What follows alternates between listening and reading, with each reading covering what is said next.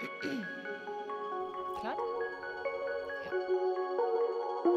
Du hører på Viten og snakkes, en podkast fra Oslo Nett.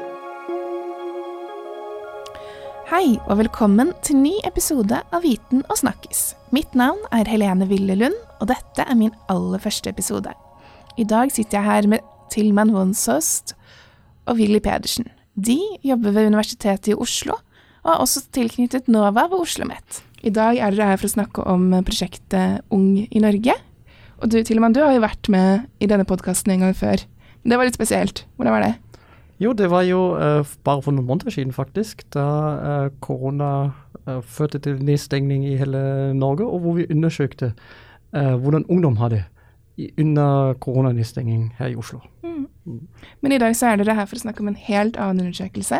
Dette er da Ung i Norge, som har vært en, en longitudinell undersøkelse som har vart nå i 28 år. Begynte i 1992. Du har vært med hele veien, Willy. Kan du fortelle litt om denne hvordan startet dette? Ja, altså Det startet ved at eh, Norges forskningsråd uh, og flere departementer ga oss en veldig stor bevilgning for å styrke norsk ungdomsforskning. Uh, samlet av noen forskere som fikk uh, gunstige vilkår, vil jeg si. og den viktigste av de satsingene vi satte i gang med da, i 1992, det var Ung i Norge. Det var Lars Wikstrøm, som er professor i psykologi ved Universitetet i Trondheim, og jeg og noen andre, som da eh, satte i gang det som skulle være denne store longitudinelle studien. Og det var faktisk uh, i hele verden veldig få sånne studier på den tiden. Så, og fortsatt så er det veldig få, og vi kan komme litt tilbake til hvorfor det er så viktig å følge folk over tid. Men, men det var altså på en måte det å styrke norsk ungdomsforskning og få den inn også i skal vi si, litt sterke akademiske former. Vi hadde hele tiden planer om at dette skulle bli noe vi kunne publisere i sterke internasjonale tidsskrifter og gjøre oss gjeldende uh, også i det internasjonale forskningslandskapet på dette feltet. Kan du forklare hva det vil si at den er eh, longitudinell? Det betyr rett og slett at vi følger de samme personene over tid. Her startet vi jo med folk som da gikk i ungdomsskolen og videregående skole. Og så ser vi på hvordan Vi samler inn masse informasjon om dem. Altså både om hvordan eh, bakgrunnen deres er, foreldre, hva slags eh, utdanning, eh, yrke av foreldrene deres. Hvordan de trives på skolen, personlighetstrekk, mental helse, bruk av rusmidler har vi f.eks. skrevet forsket ved og skrevet veldig mye om. Og så følger vi dem videre inn i livet. Altså hvordan er Det er en slags film over tid. Altså hvordan er 13-åringen når han eller hun har blitt 23 og 33 osv. Så, videre. så vi får denne, denne detaljerte beskrivelsen av livsprosesser. Og så samler vi inn så mye data om dem at vi kan på en måte også se hva er det som på en måte kan danne grunnlag for et uh, godt, uh, lykkelig liv. Hva er det som danner grunnlag for at det går gærent, f.eks. Og det er jo kanskje det siste som man var opptatt av. da. Altså, Hva er grunnen til at noen ikke klarer seg så godt? Og kan vi da finne ting uh, å gjøre med deres livssituasjon for at de skal kunne klare seg bedre. Drive forebygging f.eks. For Av den grunn så har veldig mange departementer, det som het Barne- og familiedepartementet, Sosialdepartementet, disse har jo endret navn over tid, veldig interessert i dette, og ga oss vil jeg si, ganske romslige bevilgninger. altså. Så Det kan jo Tilman snakke litt mer om. Men vi, vi har fått mye penger over mange år, så jeg er i hvert fall veldig glad for at forskningsmyndighetene har gjennom Forskningsrådet særlig, men også mange andre, har, eh, har sett verdien i denne typen eh, forskning. Ja, Man kan jo også si at uh, det er også kostbart å gjennomføre slike type uh, longitudinelle studier hvor det er flere tusen um, personer som blir fulgt opp over veldig lang tid. Uh, så vi, det å spore dem opp igjen, det å be dem om å svare på undersøkelsen altså Det er et ganske stort apparat som ligger bak det for å få dette gjennomført. Så det er faktisk også nødvendig mm. og bruke en god del penger på slike typer undersøkelser. Si når vi har hatt disse oppfølgingene, så har vi jo samlet en stor gjeng med eh, vitenskapelige assistenter som har sittet og ringt og prøvd å funnet adressene til deres og stimulert dem til å svare og sånne ting. Eh, og vi har også gitt dem kanskje noen premier for å svare. ja, Som hva da? Nei, altså, de, de, kan, de, er midt på trekninger om en reise, f.eks. Ja. Men uh, gjennomgående så har, jo, så har, jo, disse vært veldig interessert i å delta. Og vi har jo sendt dem små nyhetsoppdateringer, små aviser hvor vi sender ut viktige funn og sånne ting. Uh, så har, jeg tror nok mange av dem har følt en slags tilhørighet i studien. Altså at de, de, er med på noe som de også kanskje ser at det kommer nyheter om i aviser og sånne ting. Så, så, så, det å få denne følelsen av at du er med på noe viktig, tror jeg nok har eh, vært ganske viktig for oss når vi har jobbet med dette. Ja, og det har jo også ført til at det er mange som som faktisk har deltatt. Altså det er sånn stort sett veldig sånn høye svarprosenter, altså veldig mange som har svart. Ofte godt over 80% av de som opprinnelig var med. Som, uh, som, fortsetter på å svare uh, på den undersøkelsen. Og Dere har jo veldig mange interessante funn også. Dere var bl.a. i Aftenposten for uh, ti dager siden med en kronikk. Kan dere fortelle om den? Ja, altså Det vi så på der, det var jo noe som faktisk kanskje litt overraskende for mange flere forskere har vært bekymret for. De, de, liksom de barna som for å si det sånn, er liksom litt altfor snille. Altså, vi er jo veldig opptatt av de som gjør mye bråk og tull og tøys og rølp og slåss og bruker illegale, illegale rusmidler og sånn. Men så er det en ganske liten gruppe som da uh, forteller at de aldri gjør noe gærent. Altså De nasker aldri i butikkene, de sniker ikke på trikken de er aldri, aldri skulka skolen og sånne ting. Og man skulle kanskje tro at dette er jo fint, altså, men så er det ganske mange studier som har pekt i retning av at det der er ikke helt opplagt så veldig fint. fordi disse er også ofte ganske isolerte. De har ofte ikke så tette nettverk til andre venner og sånne ting. Og mange mener jo at det å prøve seg ut, prøve grenser, er også noe som er viktig for deg. Altså for å utvikle identiteter, finne ut hvem du selv er Eh, ikke bestandig være en sånn veldig pliktoppfyllende, lydig person. Eh, så man har liksom etter hvert begynt å betrakte denne gruppen som en slags risikogruppe, som ikke gjør så mye ut av seg, men som allikevel kanskje ikke får det så bra videre i livet. Men så er det veldig få sånne longitudinelle studier av dette. Eh, så vi tenkte at ok, da ser vi på denne gruppen her. Nå er det gått ut i 30-årene. Uh, det var snaue 10% 8% omtrent, som var sånn når de var helt unge. Så vi var veldig spent. Ville vi finne at disse ikke hadde klart seg noe særlig godt i utdanningssystemet, at de ikke hadde fått jobb f.eks., uh, ja, at de fortsatt var ensomme isolerte. Og da ble vi kanskje litt overrasket, jeg vet ikke, men uh, til og med kan si han ble noe overrasket. Men, uh, men, det var i hvert fall sånn at det, vi fant noe litt annet enn uh, de fleste andre forskere hadde funnet. Vi fant at de har klart seg veldig bra. Så de har fått bra utdanning, de har fått jobber med bra inntekter, og de har Veldig få av dem er trygdede eller arbeidsløse. Så, så, Det var en som sa dette er jo litt sånn nerdenes revansj. 'Revenge of the Revenge of the Nerds', som en sånn amerikansk film heter. Um, så jeg tenkte også sånn at, uh, Og det var nok grunnen til at ganske mange medier ble litt opptatt av dette. Altså, ok, det er ikke Også for foreldre, f.eks. For altså, hvis du har en, uh, en, ungdom som er litt isolert, sitter for seg selv og sånne ting, så er det ikke noe spesielt god grunn til å tro at dette vil gå dårlig med, med, dem videre. da. Men vet du hva du tenkte, Tilman? Ble du overrasket over funnet? eller? Ja, det er jo uh, kanskje litt, uh, litt, overrasket her. Uh, men samtidig tenker jeg jo også at vi var noen av de første som faktisk hadde et skikkelig godt datagrunnlag for å se på denne problemstillingen. Fordi mm. de fleste andre, også internasjonalt, har ikke sånne typer utvalg, sånne typer data hvor du har fulgt uh, ungdom helt opp i voksen alder til de er 30 og nå er 40, mm. uh, for å se på slike problemstillinger. Så De fleste andre studier som har sett på dette, de har jo hatt uh, ganske så spesielle typer utvalg, hvor det i utgangspunkt var folk som hadde uh, f.eks. bydeler hvor de, så, som har vært um, som har vært belastede bydeler, f.eks., hvor det er mange som har hatt problemer. Mm. Og Vi er noen av de første som har sett på dette ved hjelp av et representativt utvalg uh, i, uh, i, et helt land, sånn som Norge. Mm. Ja, for det er ganske spesielt å følge ungdommer fra de er i tenårene til de nå er i 40-årene. Så det er en ganske unik undersøkelse som da kan få nettopp sånne funn. Ja, og det er helt klart. Det er veldig unikt, og jeg syns det er det som er ekstremt spennende med det der også. Vi følger jo disse, disse personene år for år. Eh, på en måte i deres utvikling. altså Vi følger dem jo ikke opp hvert år, da, men vi får jo um, informasjon om, om, disse her gjennom tiden. Og um, de er jo faktisk akkurat i samme alder som, som, meg selv også. altså De er i 40-årene nå.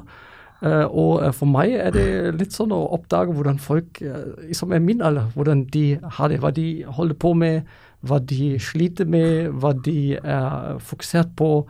Nå er det jo f.eks. det med familie og barn og arbeid som er et viktig tema, og det skal vi også undersøke noe nærmere i den nye oppfølgingen til Unge i Norge. altså. Ja, for det er vel Den siste store undersøkelsen var i 2005. Eh, og da var de i midten av 20-årene. Så man kan jo forvente at det har skjedd ganske store endringer på disse årene, da. Det er jo akkurat det. altså I midten av 20-årene, da var jo var disse, de var studenter. Uh, de uh, kanskje, hadde kanskje begynt akkurat i jobb. Um, fortsatt i en fase hvor du prøver å finne din identitet og er ikke helt sånn trygg på din plass i samfunnet. og det er jo en helt annen fase enn vi er i nå, hvor det er jo mange som har etablert seg, uh, hvor det er typisk en, en fase uh, hvor, man, um, hvor mange har lykkes godt i arbeidslivet, men kanskje noen har ikke lykkes så godt. Uh, og akkurat også denne variasjonen som vi ser her, i noe sånn som familieliv, utdanning, um, og samtidig som vi også følger opp tematikker som vi alltid har vært interessert i, sånn som psykisk helse, uh, forskjellige typer Hva gjør de sosialt sett, osv. Vi har jo, dette er jo en del av en veldig stor satsing som heter Promenta. Mm. Uh, forskningssenteret, som uh, Tillemann er en av lederne for. og vi har fått knyttet til oss to internasjonale forskere som har jobbet veldig mye med disse tingene, som heter Absalom Kaspi og Terry Moffitt, som nå er i USA. Men de har en litt tilsvarende studie fra New Zealand, som er en av de få andre. Det er kanskje en tre sånne studier i hele verden, vil jeg si. Uh, og de har studert dette fra et utvalg fra New Zealand, um, som kanskje er litt eldre enn våre. da.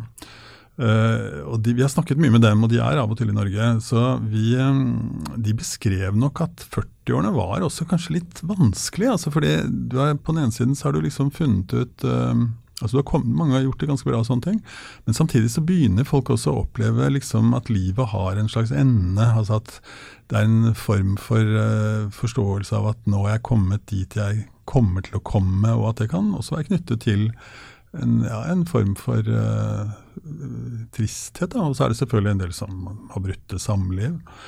En del, eh, kanskje særlig menn, har sannsynligvis da ikke fått eh, barn, og kanskje kommer de ikke til å få barn. Så det er en, det er en del sånne ting som vi også er eh, opptatt av å prøve å belyse her. sånn.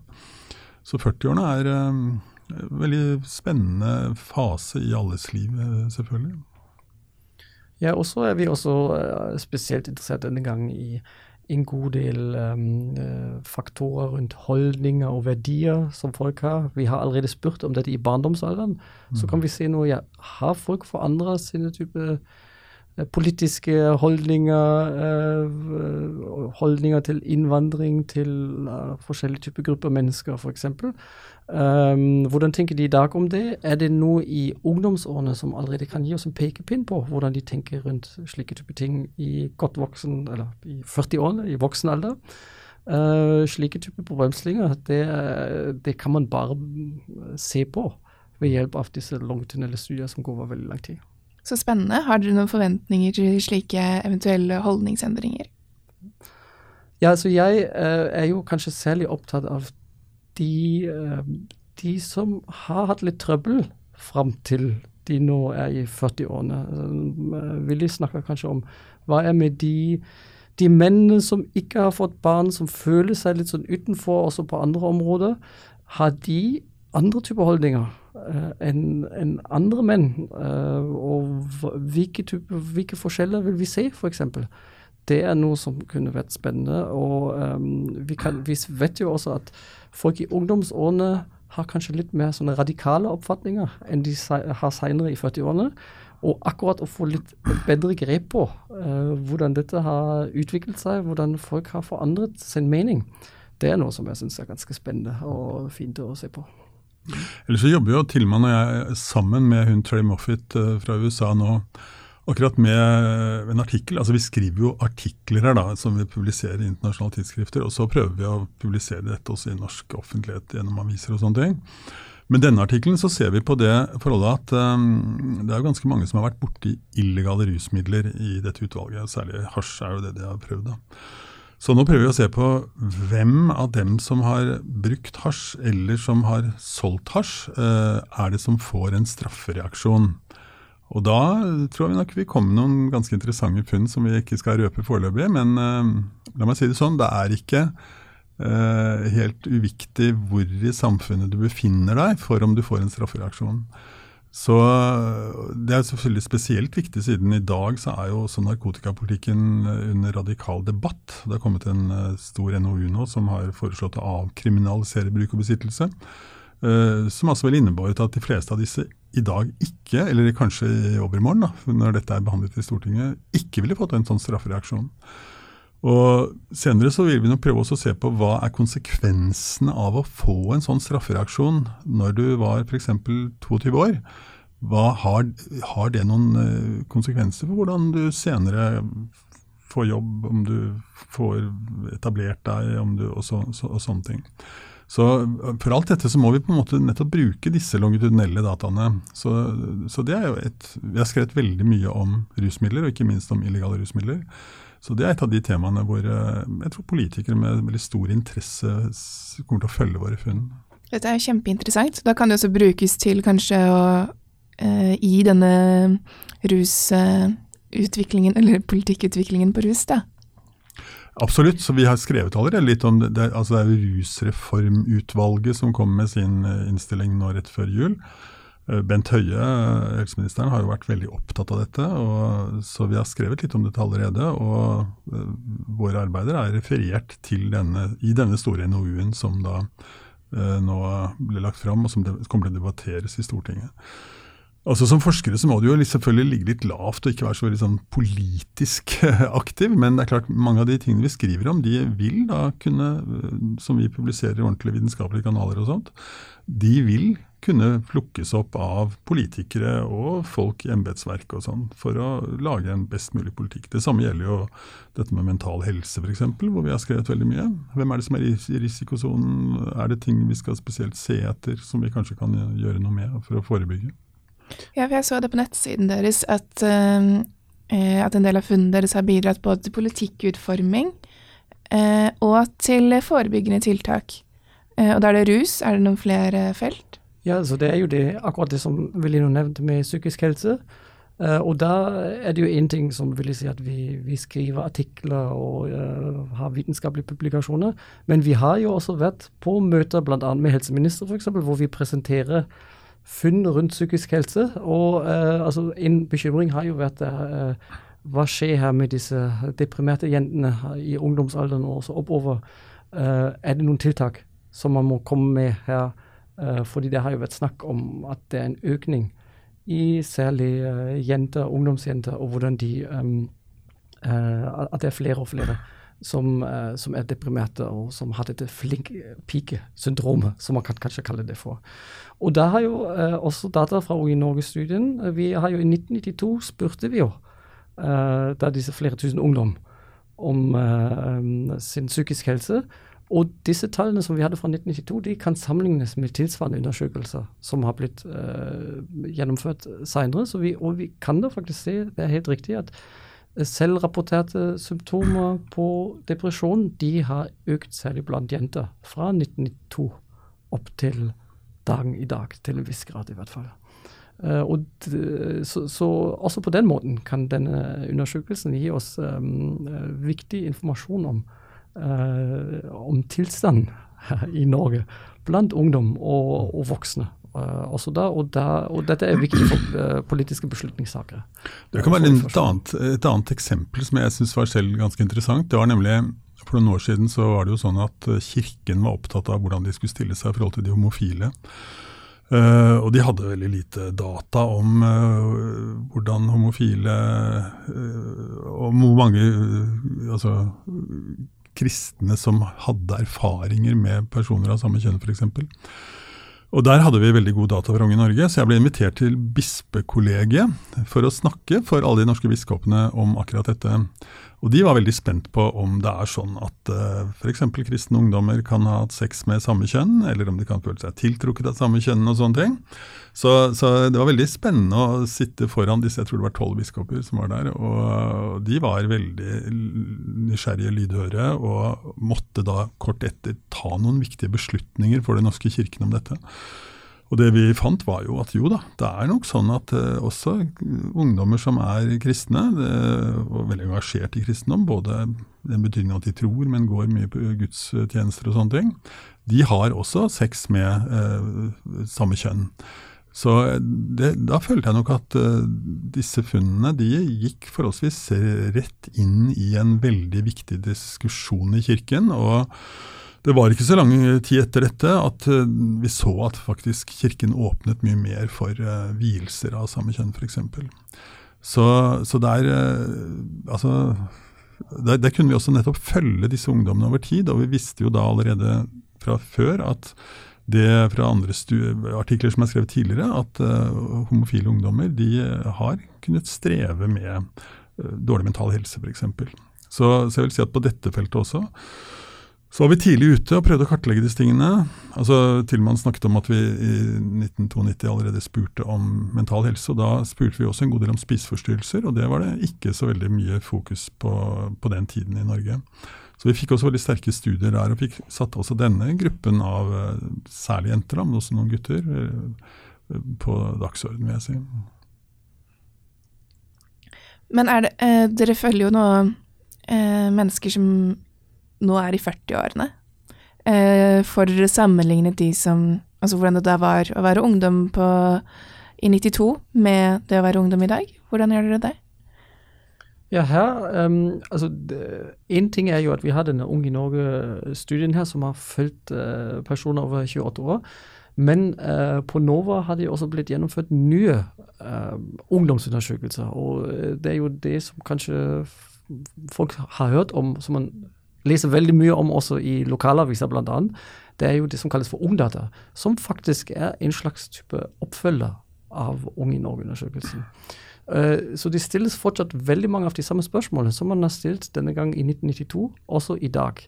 Uh, og hvert, uh, hver, hvert vårsemester blir det rundt 100 000 ungdommer på norske skoler blir med på den undersøkelsen.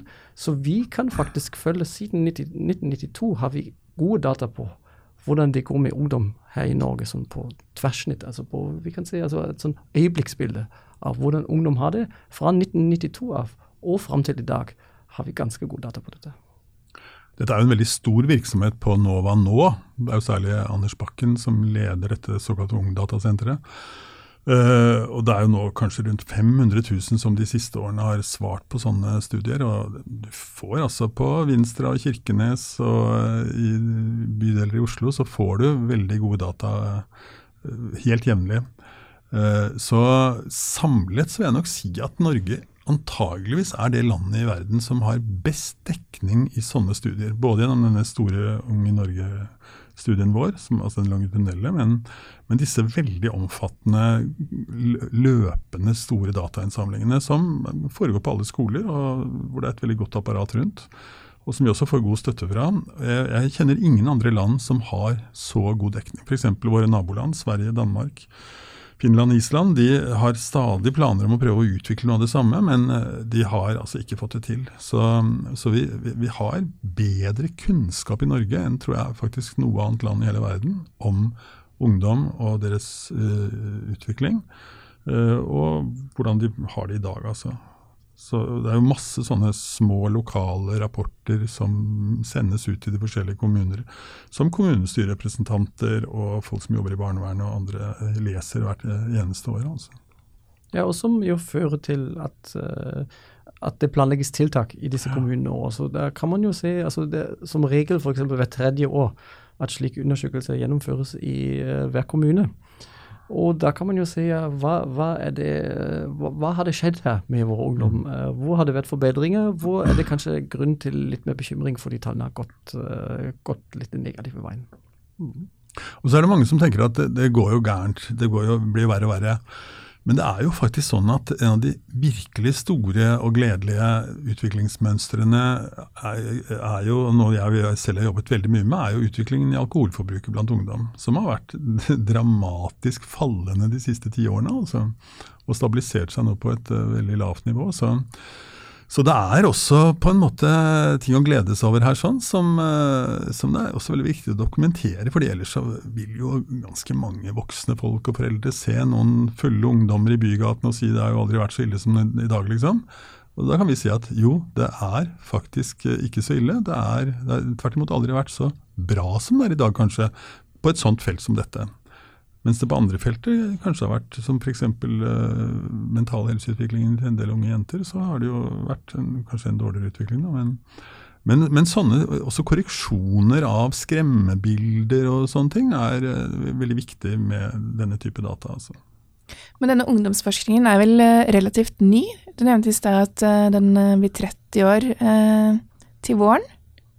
Eh, så man har kanskje ikke så mye sammenlignet med før denne store undersøkelsen her, da? Altså Med denne type store survey-baserte undersøkelser så er det jo mer glissent. Ehm, men ehm, vi har jo en del kilder, andre typer kilder til å forstå hvordan ungdom levde tidligere også. Men, men jeg vil si at denne endringen i 1992 i Norge den satte på en måte standarden for en helt ny type ungdomsforskning. Akkurat nå skal vi jo feire 30-årsjubileet på NOVA for ungdomsforskningen, som jeg altså var med på å starte selv da, på, i, i 92.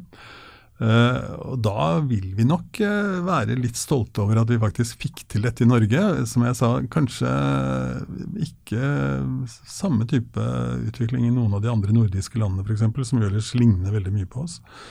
Uh, så på en måte så er det noe nytt at vi fikk disse store survey-baserte studiene som gir mye mer presis empirisk informasjon. Men uh, vi støtter oss selvfølgelig til mye som er gjort tidligere på andre felt. Valgforskningen f.eks., som utviklet veldig mye gode metoder for å måle folks politiske preferanser og sånn, som jo var veldig viktig allerede fra Stein Rokkan på 50-tallet og videre fremover.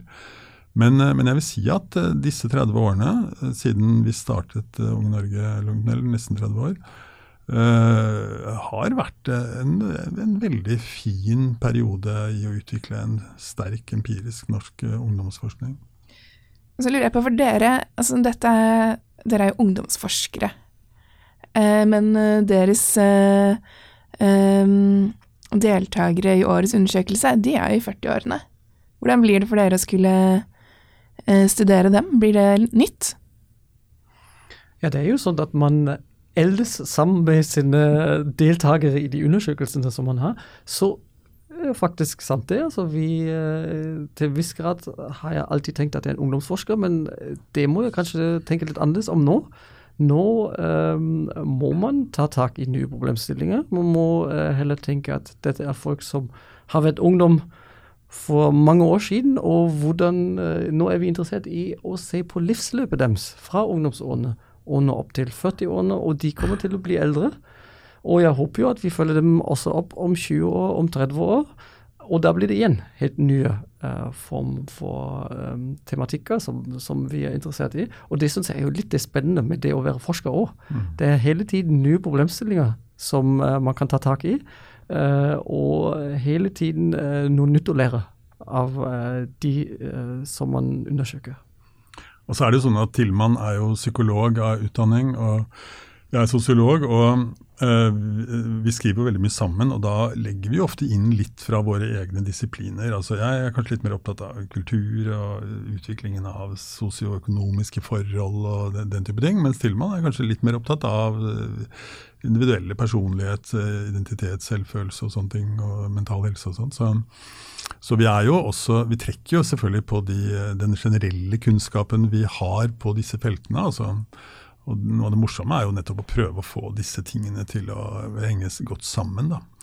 Og vi har jo mange andre medarbeidere her. Vi har jo nå en god del eh, stipendiater og postdokker og sånne ting som også jobber med sånne temaer, hvor vi delvis kanskje også veileder litt sammen og sånt. Så, så er, vi er ungdomsforskere, kan du si. Som Tillmann er jo mye yngre enn meg også, da. Så litt forskjellig alder. Eh, men vi er også på en måte deltakere i et stort faglig fellesskap hvor det er mange andre, med andre typer. Jobber sammen med kriminologer, sammen med folk som jobber med nye datainnsamling. Skal vi jo prøve å få genetiske data samlet inn og sånn. Så, så, vi er samtidig del av et veldig stort forskerfellesskap, både på Universitetet i Oslo og her på NOVA. Og jeg kan jo også si uh, en sånn uh, ytterlig styrke av den undersøkelsen er jo akkurat denne tverrfagligheten. Altså, uh, det er jo et veldig sånn rikt datamaterial. De fleste studier fokuserer veldig på medisin, veldig på psykologi, veldig på samfunnsvitenskapelige problemstillinger, sosiologiske problemstillinger. Men denne studien ja, allerede i utgangspunktet ble jo lagd av folk forskjellige, med forskjellige typer fagbakgrunn. Mm. Så det er jo en vidt spekter av uh, altså alt fra fritidsaktiviteter til mental helse til rus til um, Musikkpreferanser, mus, f.eks. Altså, musikkpreferanse, kultur altså, er viktig. Um, uh, altså, og, og, det er også noe som er veldig moro å jobbe med. At du uh, virkelig har et ganske så fullstendig bilde av hva um, de holdt på som ungdom, og også hva de holder på med og er opptatt av uh, nå i, i 40-årene. Så, så, det er veldig morsomt. Hvor lenge kommer du til å følge disse menneskene? Ja, vi har jo fått lov til å følge dem lenge. Eh, så det er ikke noe begrenset, altså noe begrenset tidspunkt her hvor denne studien er avsluttet. Um, så jeg håper jo at uh, um, vi kan følge dem gjennom hele livsløpet. Uh, og så faktisk såpass lenge at uh, jeg er jo like gammel som de, um, som de deltakere i studiene, at det vil være noen andre som overtar etter meg før vi har samlet inn den siste datainnsamlingen her. For da er du pensjonist? Da er jeg pensjonist, ja. Men hva blir unikt med, med, årets studie, da? Når vi er i en ganske spesiell situasjon med korona og sånn, er det spørsmål som dere typisk spør om? Det er også noe som vi uh, Altså, vi er jo opptatt av alt som de er opptatt av, sier det sant. Så um, vi, er, vi, stiller jo også spørsmål rundt den situasjonen som de er i nå både hva som uh, De utfordringene som de har hatt i den situasjonen, men vi er også opptatt av uh, hva slags hva skal man si, muligheter dette kanskje har godt, uh, gitt. Hvordan de kanskje har forandret tankesettet sitt. Hvordan de kanskje også f.eks. har fått noe mer tid med sine barn i den situasjonen. Her, altså, det er også noe som vi også spør om, og som vi syns er interessant. Mm. Og så er vi jo litt opptatt av dette med, som, Henry, som Tilman så vidt var innom uh, tidligere, dette med hvordan du kan på en måte mangle ressurser for, på forskjellige livsområder. Altså, det er jo noen som ikke gjør det så bra i arbeidslivet, noen som ikke får det så godt til i samliv, og som kanskje i tillegg uh, kan tenkes å bo forskjellige liksom bestemte områder av landet, f.eks. Man har jo f.eks. vært tidligere kanskje veldig opptatt av storbyen og de problemene som du kan ha i drabantbyer eller fattigstrøk i stor, eh, internasjonale storbyer og sånne ting. Men eh, noe i hvert fall jeg er litt opptatt av, er hvordan det er å vokse opp og bli gammel på landsbygda. og det er jo f.eks. Eh, sannsynlig at en del uh, unge menn blir uh, værende på hjemstedene hvor de har vokst opp i rurale områder, mens unge kvinner ser ut til å flytte lettere og ta seg utdanning sånne steder altså I nærheten av disse stedene, men i, tettsteder. Så um, Altså jeg selv er ofte om sommeren et sted i Nord-Norge hvor det nok er en god del sånne unge menn som jeg liksom ser som kommer inn i 30- og 40-årene, og som ikke har gifta seg og sånne ting. Og som jeg på en måte er opptatt av hvordan, hvordan har de det. Klarer vi å finne denne gruppen? Og det er jo mange flere menn som ikke får barn enn kvinner. Så Sånne ting er vi også opptatt av her. Vi, vi, vi har operert tentativt med et begrep om multippel marginalitet. Er det sånn at du kan ha problemer på flere livsområder? Og er det i så fall ting som gjør at du kan altså forhindre dette. Altså At du på en måte kan finne mestringsressurser for å kunne komme ut av sånne problemer. Dette er jo kanskje særlig tilmann som har tenkt mest på disse tingene, så du kan kanskje utdype? Ja, nei, jeg tenker jo også altså, som begrep utenforskap, altså at du føler deg litt på randen av samfunnet på forskjellige områder. det er typisk et tema som vi, vi har lyst til å fokusere litt på, også i denne runden. Og jeg tenker akkurat i 40-årene, da vil man se dette litt sånn tydelig, hvem som, som, står litt utenfor. Uh, som ikke er helt, uh, helt, sentralt i dette samfunnet. Uh, og hvordan har de det? hvordan har de havna der? hvordan tenker de rundt sin egen situasjon? Mm. det er typisk ting som vi ønsker å se, se, mer på, og som vi da også fokuserer litt på i denne nye datainnsamlingen. Ja, for dere satset vel på å få eh, rundt 2000 deltakere i årets eh, undersøkelse. Og da er de spredd ut over hele landet, er det sånn? Det er akkurat sånn som det er. Altså det er um, det, de er spredt altså det, I utgangspunktet gikk disse, disse ungdommene på en rundt 70 skoler i Norge, spredt rundt i landet. Og de uh, har jo siden det også flytta på seg, men er der uh, bor alt fra, uh, fra, nord til sør og øst og vest her, her i landet. Um, og det gjør jo også dette litt utfordrende, så her må man få tak i disse personene. Og vi bruker jo mye ressurser på å finne dem og få holde kontakt med dem og be dem til å delta i den undersøkelsen i år. Det er nettopp dette med at det er jo det sånn omtrent det vi kaller et representativt utvalg. Altså det er, det er, De skal gi et ganske godt bilde av den norske befolkningen i den aldersklassen. Og På samme måte som du, hvis du får inn svar fra 1000 personer, så kan du si ganske presist hvordan de politiske partienes oppslutning er.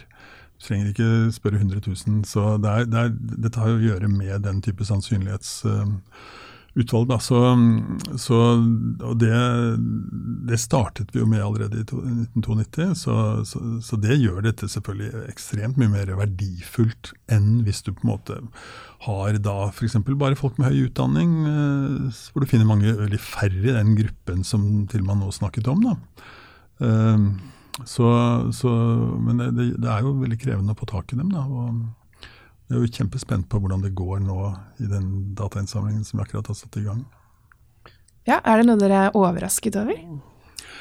Altså Jeg var jo med og startet denne studien, og det jeg kanskje er mest overrasket over, er hvor eh, samvittighetsfullt disse folkene vi har spurt, faktisk har svart. Altså, altså at de, Vi spør dem om alt mulig rart. altså Fra hvordan de opplevde oppveksten i familien sin, eh, hvordan de trivdes på skolen, om de har gjort eh, altså, svært ulovlige ting. altså eh, Stjålet biler, gjort innbrudd, brukt narkotika. Vi spurt, har spurt ganske detaljert også om hvordan de har opplevd seksuallivet sitt. altså Om de har hatt mye gleder i seksualliv, eller ganske, på ganske tekniske måter. og Eh, mentalhelseproblematikk. Og altså musikkpreferanser, om du liker eh, hardmetall eller om du liker eh, countrymusikk og sånne ting. Og det er altså et, De aller fleste har svart, og de har svart veldig samvittighetsfullt og nøyaktig. Så jeg får på en måte en sånn litt, Blir liksom beveget nesten av at de ser betydningen av denne typen forskning. Altså, og har brukt masse tid på å svare. og det er nesten ingen som tuller når de svarer. Dette kan vi liksom sjekke opp på forskjellige måter. Så de setter seg ned, bruker lang tid og svarer veldig inngående på dette. Så jeg tror de føler at de er med på noe som er verdifullt, og som de da av og til sikkert ser at det kommer funn om i avisene og i radio og TV og sånne ting. Ja, Det kan kanskje også forklare de høye deltakertallene, da? Jeg tror, det, jeg tror de oppfatter at dette er relevant. og at de selvfølgelig er eh, sterke forskningsinstitusjoner som står bak her, liksom. Og vi prøver jo også av og til vise litt sånn eh, ansikter og titler og sånne ting eh, på det materialet som sendes ut til dem. Og vi har prøvd å sende ut da, eksempler på funn som vi har gjort og sånn. da. Så, så, jeg må si altså, jeg er nesten litt overrasket over hvor uh, engasjert folk har vært i dette, og hvor samvittighetsfullt de har svart. Og, og det, det, er selvfølgelig som forsker en stor glede å oppleve det. altså. Jeg kan jo eh, tilføye at nå i den nye datainnsamlingen har vi jo nå begynt å ha kontakt med disse, ringt opp enkelte av deltakerne. Det er veldig, eh, det er egentlig en veldig hyggelig sak. Dette er jo flere sånne altså forskningsassistenter som delvis gjør det. Og da er det jo folk som sier ja, nei, men eh, det, det har jeg jo det er jo med glede, på en måte. Og jeg, jeg har dårlig samvittighet for at jeg ikke har svart ennå. Sånne type tilbakemeldinger får man ganske så ofte. Og, og, da setter folk seg ned og bruker den tiden på å svare på den undersøkelsen. Selv om det er jo i den alderen, i 40-alderen, du har barn, du har, har, jobb. Du har ikke så mye tid. Og, og du får jo masse henvendelser også fra andre. Altså, er, altså, dette har jo også forandret seg siden 90-tallet.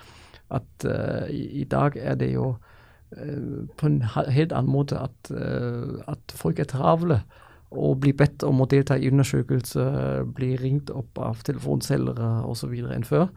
Og da er det veldig flott å se at de faktisk prioriterer dette her. Ja, for dere er nå, som du sier, i gang med denne undersøkelsen. Eh, når forventer dere at det skal vel være noen funn?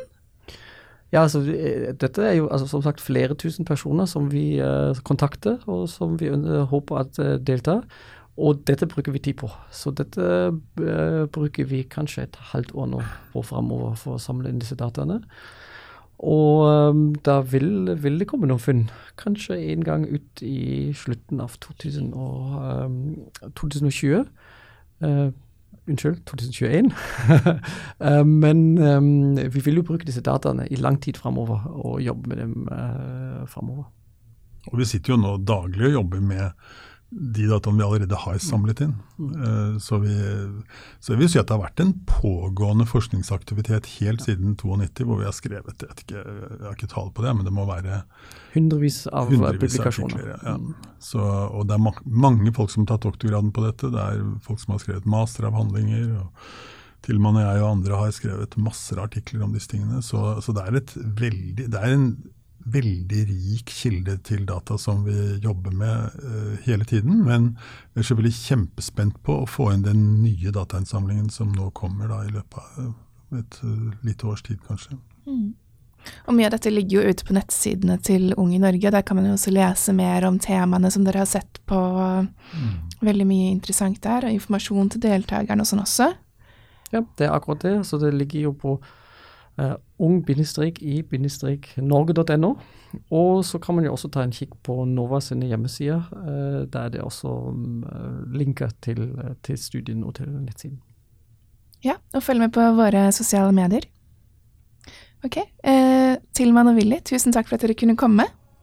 Og tusen takk for at uh, dere hørte på. Det kommer en ny episode snart. Takk skal du ha.